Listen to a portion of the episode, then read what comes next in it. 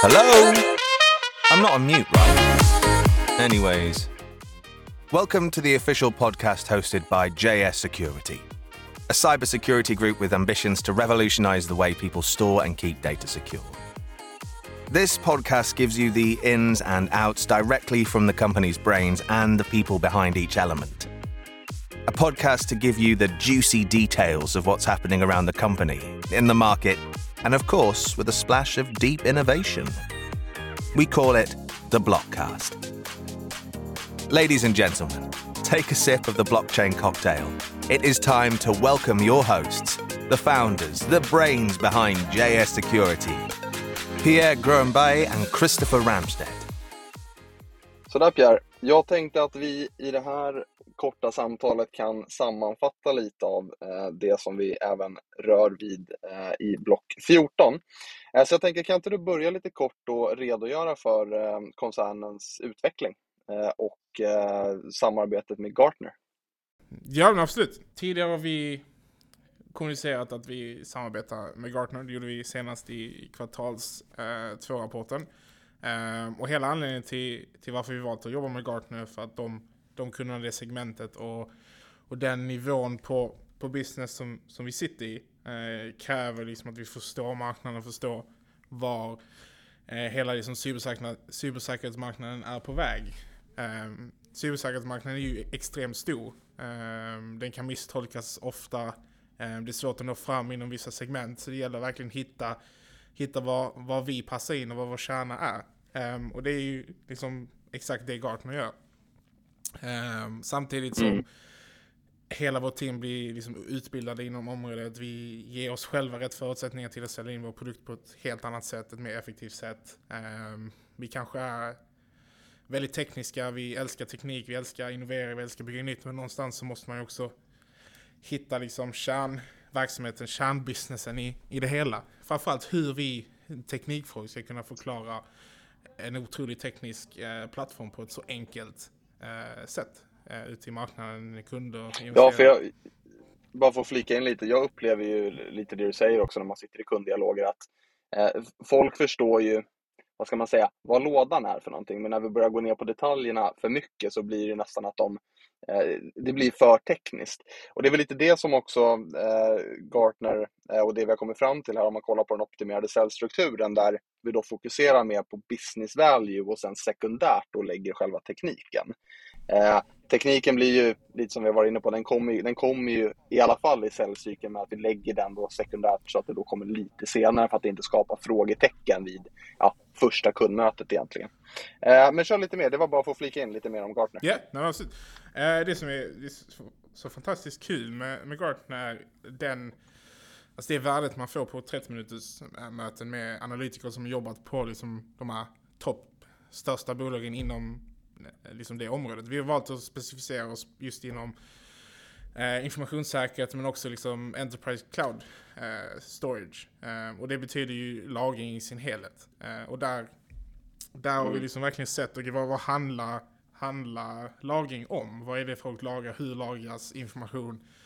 Um, liksom det finns block storage, det finns file storage, det finns object storage. Idag är det ju mer och mer grejer som, som kallas objekt. Um, ett objekt kan ju vara mm. hur mycket som helst. Det kan vara filer, databas, delar, backups, eh, dokument, eh, XML, grejer, eh, ja, allting. Ehm, och det som vi sett är liksom ett otroligt värde och, ett, och hittat liksom ett spår där just den här marknaden inom objektlagring har ju expanderat och, och, vi skapar ju inte mindre data. Vi skapar ju mer och mer data för varje nytt system som kommer online, för varje ny tjänst. Eh, så varje gång någon användare in, jobbar med liksom en tjänst så finns det någon typ av data som skapas mm. och sen lagras i någon typ av objektlagring. Um, Exakt. Och där har vi hittat liksom ett, ett väldigt intressant spår som passar mycket bra in i den produkten vi utvecklar. Um, och sen så har vi hittat ett, ett väldigt intressant spår i hur köpbeteendet är hos kunder, eh, hos företag. Eh, många är intresserade, intresserade av webb 3, många är intresserade av blockkedja och, och hela den biten. Men någonting som många företag kanske inte har tid är att sätta sig in i allt det här. Eh, även om cybersäkerhet har funnits länge och det liksom händer många olika grejer så kan man kanske förknippa en dataläcka eller någonting med en specifik grej eller ett specifikt sätt eller en specifik tjänst. Men i det stora hela så är det kanske tio olika tjänster i en plattform som, som måste lira tillsammans för att det ska bli så optimalt. Um, och det är någonting som vi själva har, har förstått och insett att en tjänst kanske inte löser alla problem. Och då får man hitta vad är det som, vad är kärnproblemet i det hela. Um, och, och, det jag tror Precis. är att liksom där, där det gör som mest ont för en organisation, där datan hamnar, slutpunkten. Um, och det är egentligen där vi, vi fokuserar vår, vår tjänst just nu. Mm.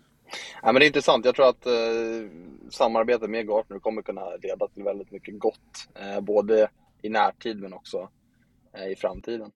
Eh, om vi då kollar lite mer på vad vi har innanför koncernen, eh, Stonebridge IS, eh, så har vi en integration som, som utvecklas. kan du inte berätta lite mer om den?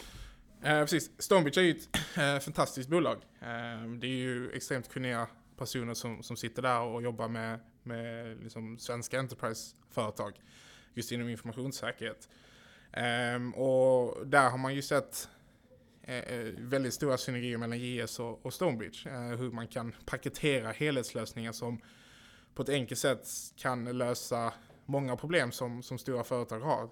Till exempel med, med Cloud Act och, och hur information lagras, hanteras, men också liksom business value i, i där datan ligger som slutpunkt. Um, så där, där har vi ju tittat uh, djupt och har ett, ett väldigt bra samarbete med, med Stonebridge-killarna um, ehm, i hur vi kan lösa många problem utan att vi egentligen ska öka, öka kostnaderna, men egentligen mer, ge mer mervärde till, till kunderna.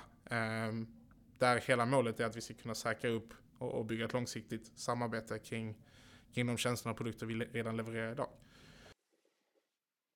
Så det är egentligen att vi, vi, vi, typ, vi typ effektiviserar arbetet på plats och, och lite kopplar loss de tredjepartslösningar som kunderna idag är beroende av och istället lägger, liksom viktar om det och lägger det på oss. Eh, är det så? Då har jag förstått det. Nej, om man tittar så här, alltså vi, vi, vi presenterar en business value till en kund där vi, där vi eh, presenterar ett, ett, ett, förslag som, som är i linje med liksom framtiden, hur det är nu. Eh, en del förbättringar. Eh, men samtidigt på, på business-sidan för bolaget, koncernen, så ökar vi ju liksom vinstmarginalen på, på existerande kunder. Um, utan att egentligen behöva höja mm. priserna. Mm. och där har man ju sett ett, ett väldigt stort intresse hos, hos befintliga kunder att prova nytt. Um, oftast har prova nytt innebärt en, mm. en stor och dyr kostnad. Um, och det är ju den modellen vi, vi försöker jobba, uh, jobba mot. Att, att ge så mycket värde till, till de del, kunderna vi, vi jobbar med nu, de dialogerna vi har nu, för att liksom komma till den här kommersiella fasen där vi sen har liksom tydliga kunder, tydliga use case som vi sen kan använda ut för att skaffa nya kunder.